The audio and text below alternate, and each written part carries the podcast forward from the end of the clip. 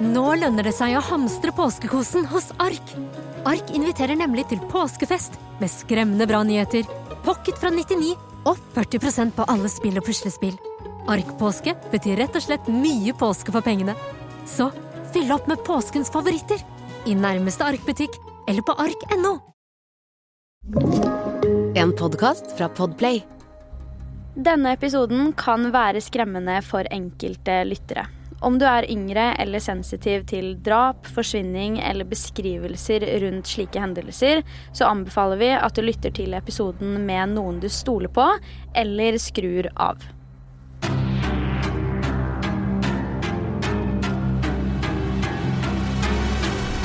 Hallo og hjertelig velkommen til en helt ny episode av Forsyningsfredag podcast. Og velkommen til en episode som jeg er nødt til å gi deg en ekstra advarsel på før jeg begynner å fortelle deg om saken.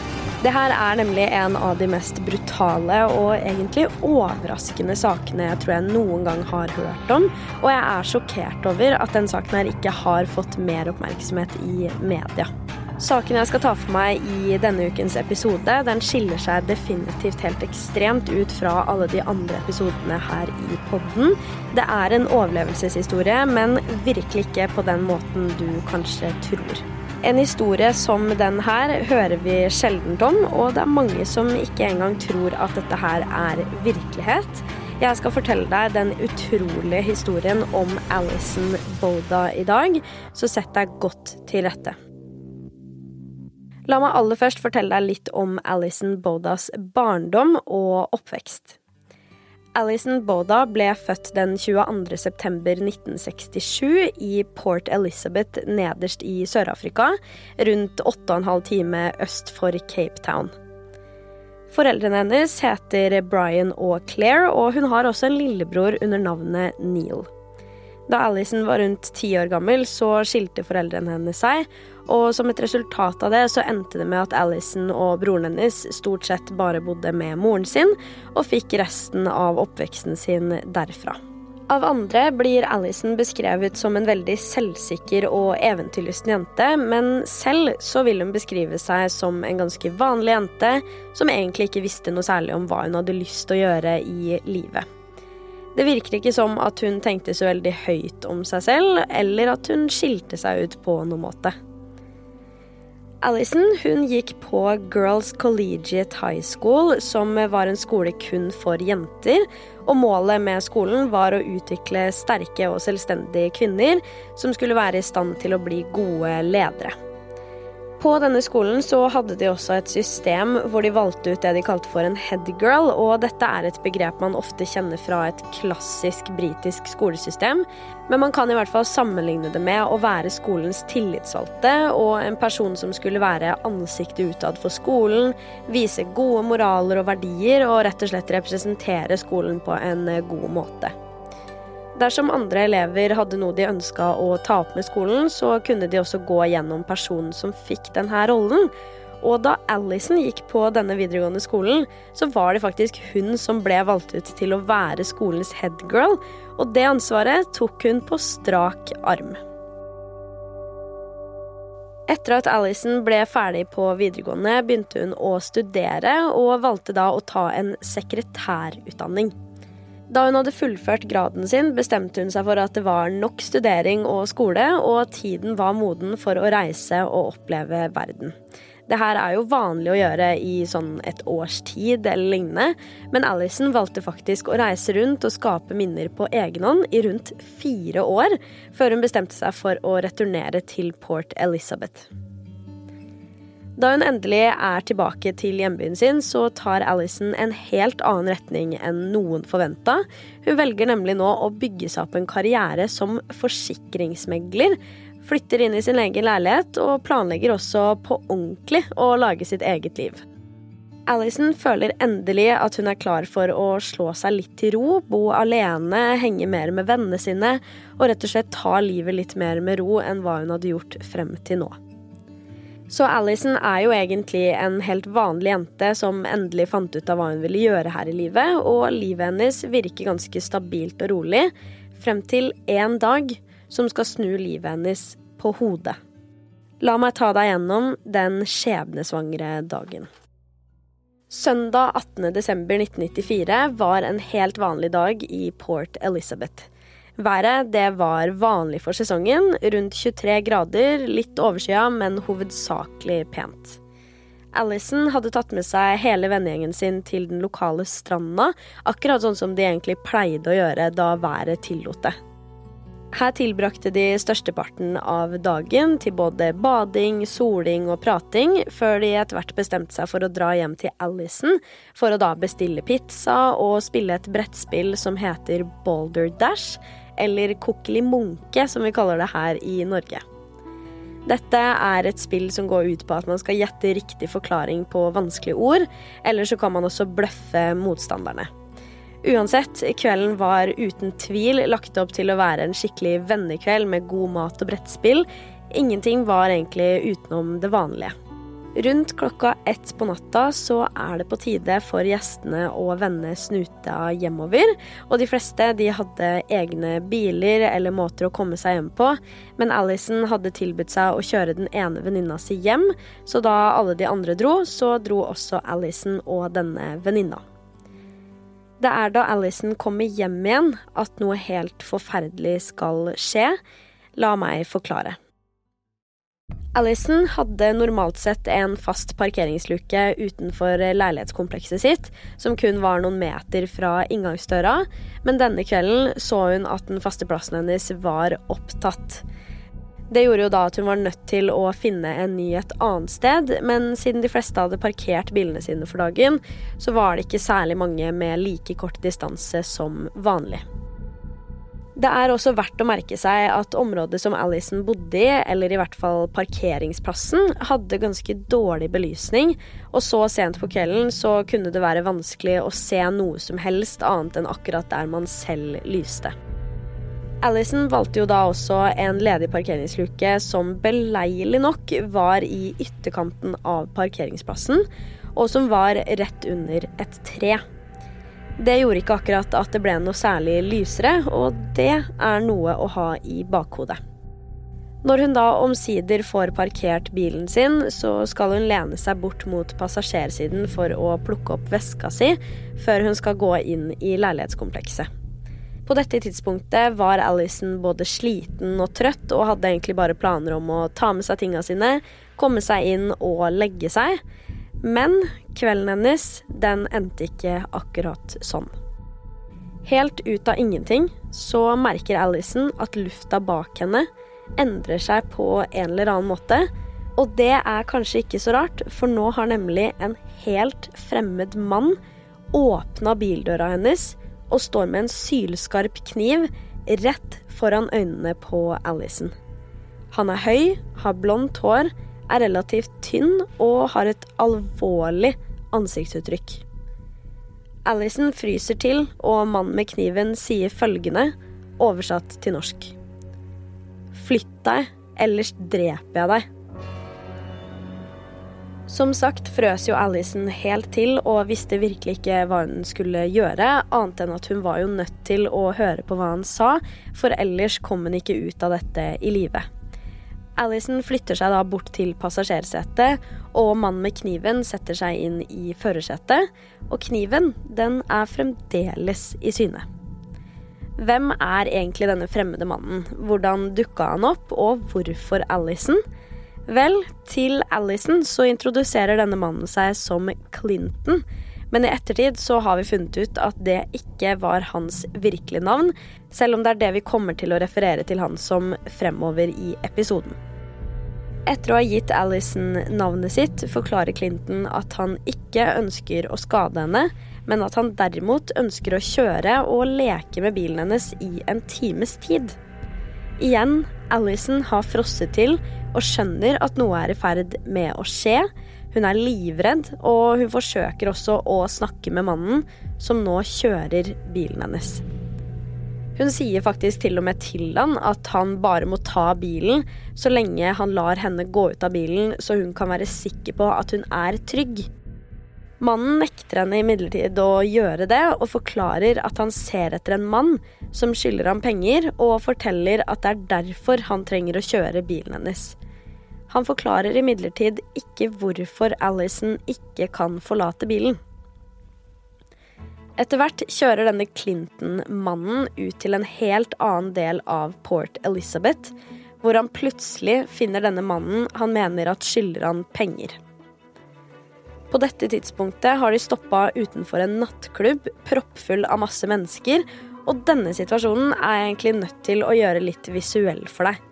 Se for deg at du akkurat har blitt holdt fanga i din egen bil av en fremmed mann som ikke lar deg gå, og som er på jakt etter noen som skylder han penger. Selv er du livredd og frykter naturligvis det verste. Bilen stopper rett ved en stor folkemengde, og alt du ønsker er å få kontakt med en som står der, uten at den fremmede mannen skal oppdage at du forsøker å bli redda. På toppen av dette her så var det jo aldri noen som så i Alisons retning heller, og det må føles så ufattelig håpløst å kjøre fra et sted og vite at ingen så at du var så redd og egentlig trengte hjelp. Mannen Clinton plukka opp utenfor denne nattklubben, er Theons Kruger, og han ender opp med å sette seg inn i bilen til Alison, da i baksetet. Clinton introduserer de begge to, og ut av ingenting er plutselig Alison Clintons venn, og det samme er Theons. Det er nå det virkelig går opp for Alison at hun er i ferd med å skulle bli utsatt for noe helt, helt forferdelig. Men verken hun eller noen andre kunne forutse omfanget av det som skal skje videre. Clinton og Theons tar med seg Alison til et veldig avsidesliggende sted rett utenfor Port Elizabeth. Mens Clinton har kjørt, så har han forsikra seg om at det ikke er noen biler rundt, ikke et menneske å se, og at det var en haug av trær der som kunne blokkere for at noen skulle se, ved den smale sannsynlighet at et menneske brått skulle dukke opp. Han kjører i tillegg av hovedveien på dette stedet, igjen for å sørge for at de skulle være godt skjult for omverdenen. Det er når de kommer frem hit at disse guttene sier til Alison at de begge kommer til å ha samleie med henne, og de lurer på om hun skal forsøke å stå imot. Alison sitter jo i en helt forferdelig situasjon her nå. For selvfølgelig så ønsker hun jo ikke å ha samleie med disse guttene, men hun er også på et sted hun ikke kjenner til. Det er ingen mennesker rundt, og hun har ingen anelse om hvordan hun skulle klart å eventuelt rømme derfra. Med disse tankene som bakteppe så sier Alison nei. Hun kommer ikke til å kjempe imot. Det ender da med at begge disse fremmede guttene voldtar Alison, som verken er i stand til å forsvare seg selv eller få hjelp av noen. Det finnes ganske groteske detaljer om disse hendelsene der ute, men de har jeg valgt å ikke ta med i denne episoden av den grunn at vi allerede forstår hvor forferdelig dette er, men det er verdt å nevne at gjerningsmennene også sa helt grusomme ting til Alison underveis, som ikke hører hjemme noe sted. Alison stivner helt til, og i seg selv så er jo det her en helt forferdelig situasjon, som selvfølgelig skaper traumer for livet for en hvem som helst person. Dessverre så stopper ikke historien der. Etter å ha utsatt Alison for disse voldtektene, så bestemmer guttene seg for at de like gjerne kan ta livet av henne også. I noen svært dramatiske minutter forsøker disse guttene å kvele Alison til døde, og det resulterer i at hun faller ut av bevissthet. Til tross for dette så kjemper Alison for harde livet, og det virker som at hun rett og slett har bestemt seg for at hennes tid ikke er kommet. Dette gjør gjerningsmennene fly forbanna, rett og slett, og de bestemmer seg for å ta handlingene sine enda et steg videre og øke brutaliteten deretter. Uten forvarsel finner gjerningsmennene frem en sylskarp kniv og knivstikker Alison over 30 ganger i overkroppen. Som et resultat av den brutale knivstikkingen som nettopp hadde funnet sted, får kroppen til Alison en fysisk reaksjon, og beinet hennes begynner å riste. Dette fører til at gjerningsmennene ser seg nødt til å fortsette for Alison skulle ikke komme ut av dette i live. Det de ender opp med å gjøre da, er å kutte Alison over halsen gjentatte ganger for å forsikre seg om at hun ikke kommer ut av dette i live. Etter å ha gjort dette angivelig 16 ganger, tar gjerningsmennene et steg tilbake og beundrer hva de nettopp har gjort mot den stakkars 27 år gamle Alison. Gjerningsmennene skal angivelig ha hatt en samtale rett etter de brutale handlingene, hvor den ene av dem spør tror du hun er død, mens den andre da skal ha svart ingen overlever det der.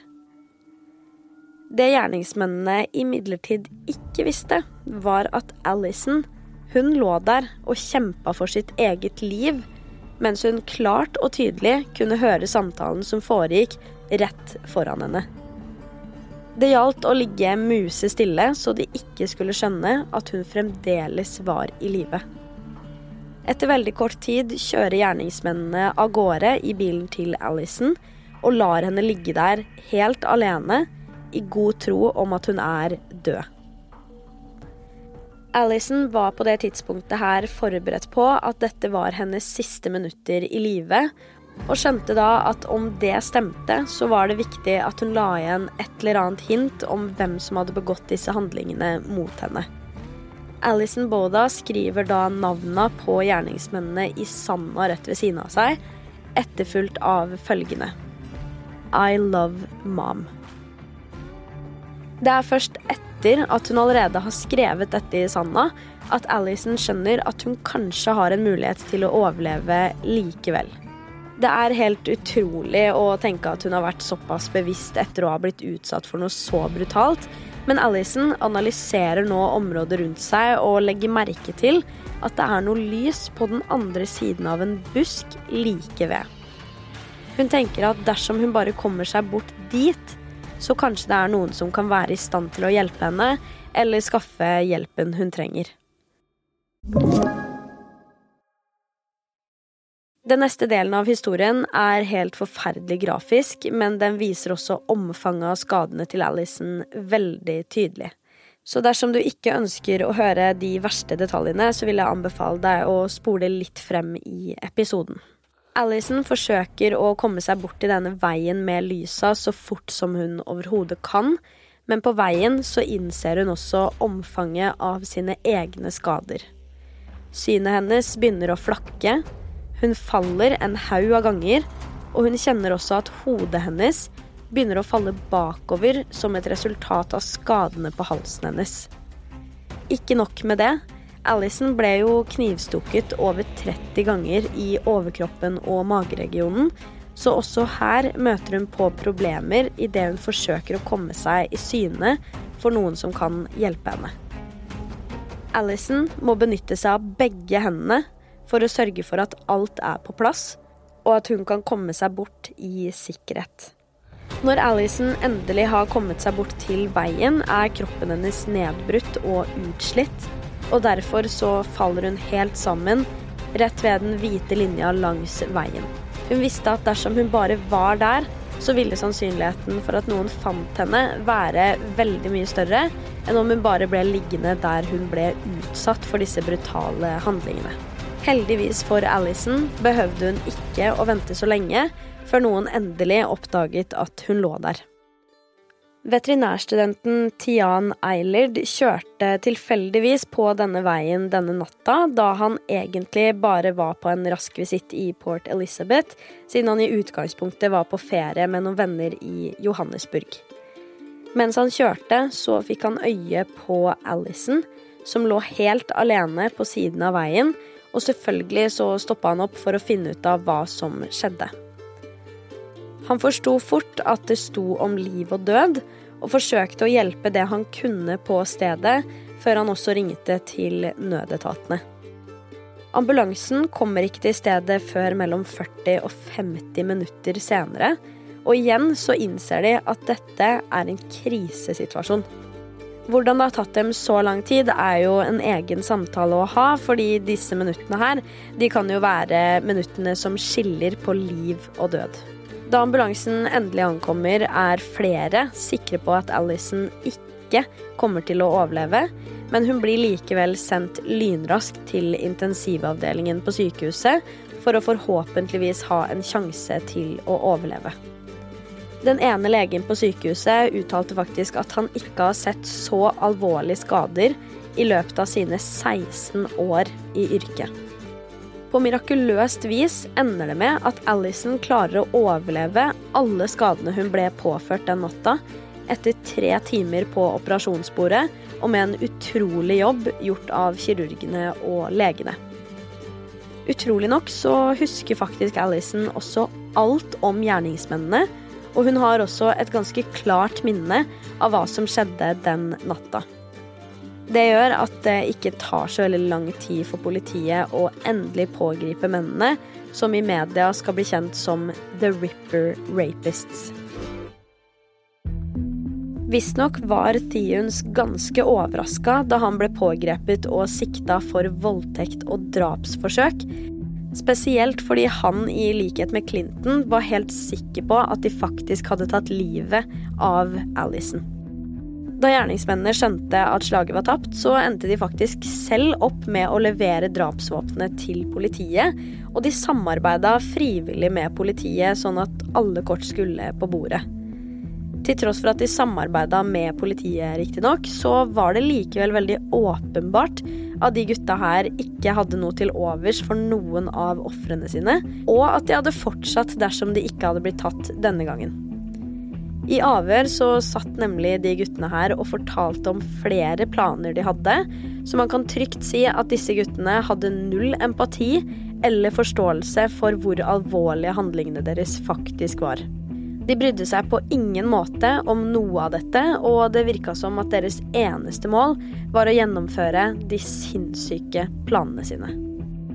Disse to guttene var faktisk kjenninger av politiet fra før av, og de begge hadde en ganske fæl historikk med seksuell vold mot kvinner fra tidligere. I februar samme året hadde nemlig denne mannen, som kalte seg for Clinton, utført ganske like handlinger mot en da 19 år gammel jente. Han hadde åpna døra til bilen hennes, bedt henne flytte seg og kjørt henne til et avsidesliggende område hvor han også voldtok henne. Forskjellen på denne hendelsen og Alisons hendelse er at han visstnok etter denne voldtekten skal ha tatt henne med til en restaurant, gitt henne både mat og en rose, før han kjørte henne til et annet avsidesliggende område og voldtok henne nok en gang. Den 19 år gamle jenta hadde visstnok anmeldt forholdet, og Clinton ble faktisk pågrepet av politiet og holdt i varetekt, men kort tid senere ble han løslatt mot kausjon. I desember 1994, tidligere den samme måneden som angrepet på Allison, begikk faktisk Clinton og Theons enda en lignende handling mot en 21 år gammel gravid kvinne. De truet denne kvinnen og tvang henne til et avsidesliggende område, hvor guttene også voldtok henne.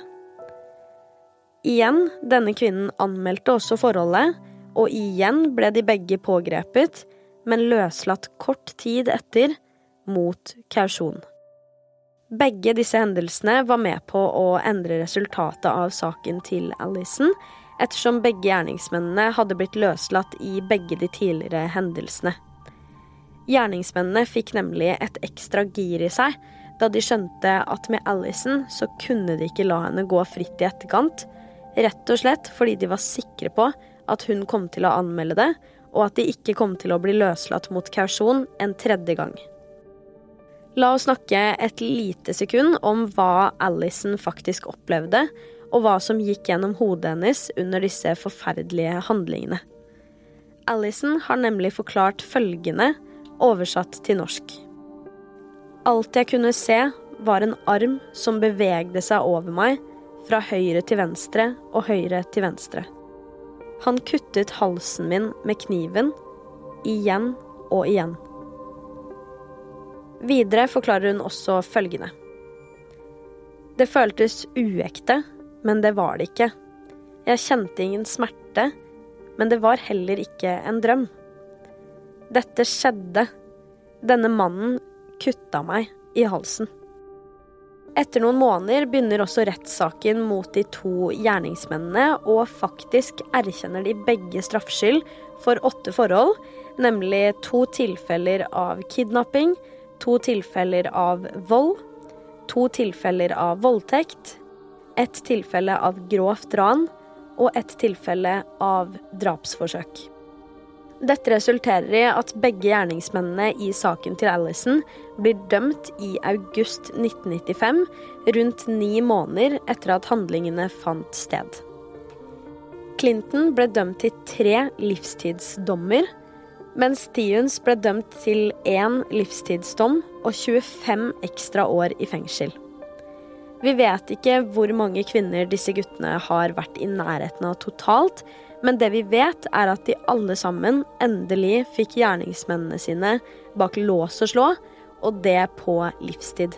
Dommeren i saken gjorde også klinkende klart at disse guttene skulle aldri få se frihetens lys noensinne igjen, og at de begge skulle leve resten av sine liv i fengsel.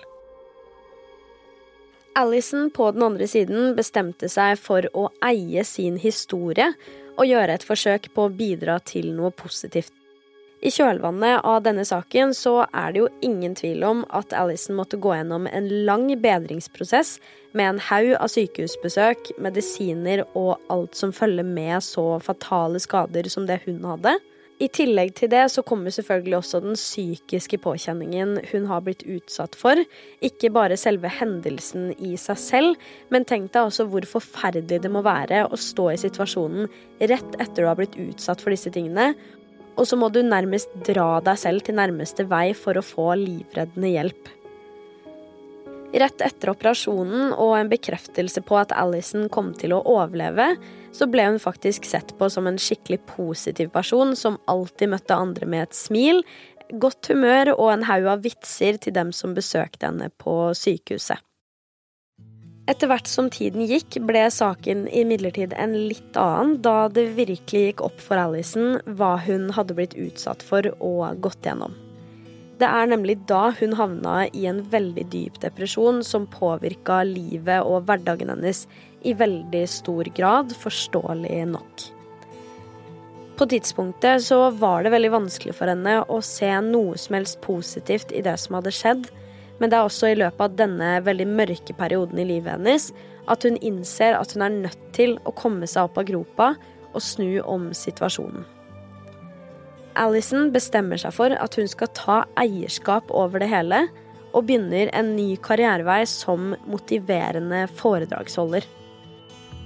Alison Boda begynner da å reise verden rundt med foredraget sitt med ett eneste mål, nemlig å inspirere kvinner og for å motivere dem til å snakke høyt om sin egen historie dersom de er blitt utsatt for noe som ikke burde skjedd. Hun var faktisk også en av de første kvinnene fra Sør-Afrika som snakka høyt om voldtekt, og det står det veldig stor respekt av. Til dags dato så er også Alison blant verdens aller mest kjente og inspirerende foredragsholdere, og personlig så mener jeg at hun er beintøff som eier sin historie og gjør noe positivt med den, til tross for at dette her må være noe av det mest traumatiske et menneske kan oppleve. Jeg må avslutte med å si en liten ting som jeg personlig ble skikkelig rørt av å lese. Og det er at Alison faktisk har endt opp med å kunne føde to egne barn. Og grunnen til at det rørte meg så fælt, det krever litt bakhistorie. Som vi har skjønt, så ble jo Alison knivstukket over 30 ganger i overkroppen og mageregionen. Og det gjorde også at kjønnsorganene hennes ble sterkt påvirka. Legene sa faktisk til Alison at det kunne bli ekstremt utfordrende for henne å bli gravid, og det var en av de verste beskjedene som kunne komme, da hun hadde en drøm om å en dag kunne bli en forelder. Og da er det jo så vanvittig rørende at hun klarte å bli gravid to ganger. Historien til Alison står som et ufattelig inspirerende eksempel, og som en mirakelhistorie. Historien til Alison står som et ufattelig inspirerende eksempel, og også som en mirakelhistorie. Og derfor så vil jeg avslutte dagens episode med et sitat fra Alison selv til ettertanke. Her er sitatet oversatt til norsk. Livet kan noen ganger få oss til å føle oss som ofre. Problemer, vanskeligheter og traumer blir tildelt oss alle men noen ganger deles de veldig urettferdig. Minn deg selv på at du ikke trenger å ta ansvar for hva andre gjør. Livet er ikke en samling av hva som skjer med deg, men av hvordan du har reagert på det som har skjedd med deg. Du har hørt Forsvinningsfredag podkast med meg, Sara Høydahl. Tusen takk for at du har lytta til episoden. Vi er tilbake med en ny en allerede neste fredag. Og i mellomtiden, ta vare på deg selv.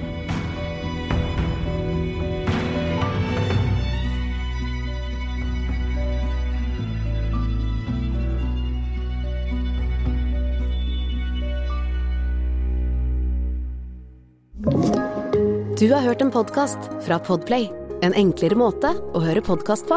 Last ned appen Podplay eller se podplay.no.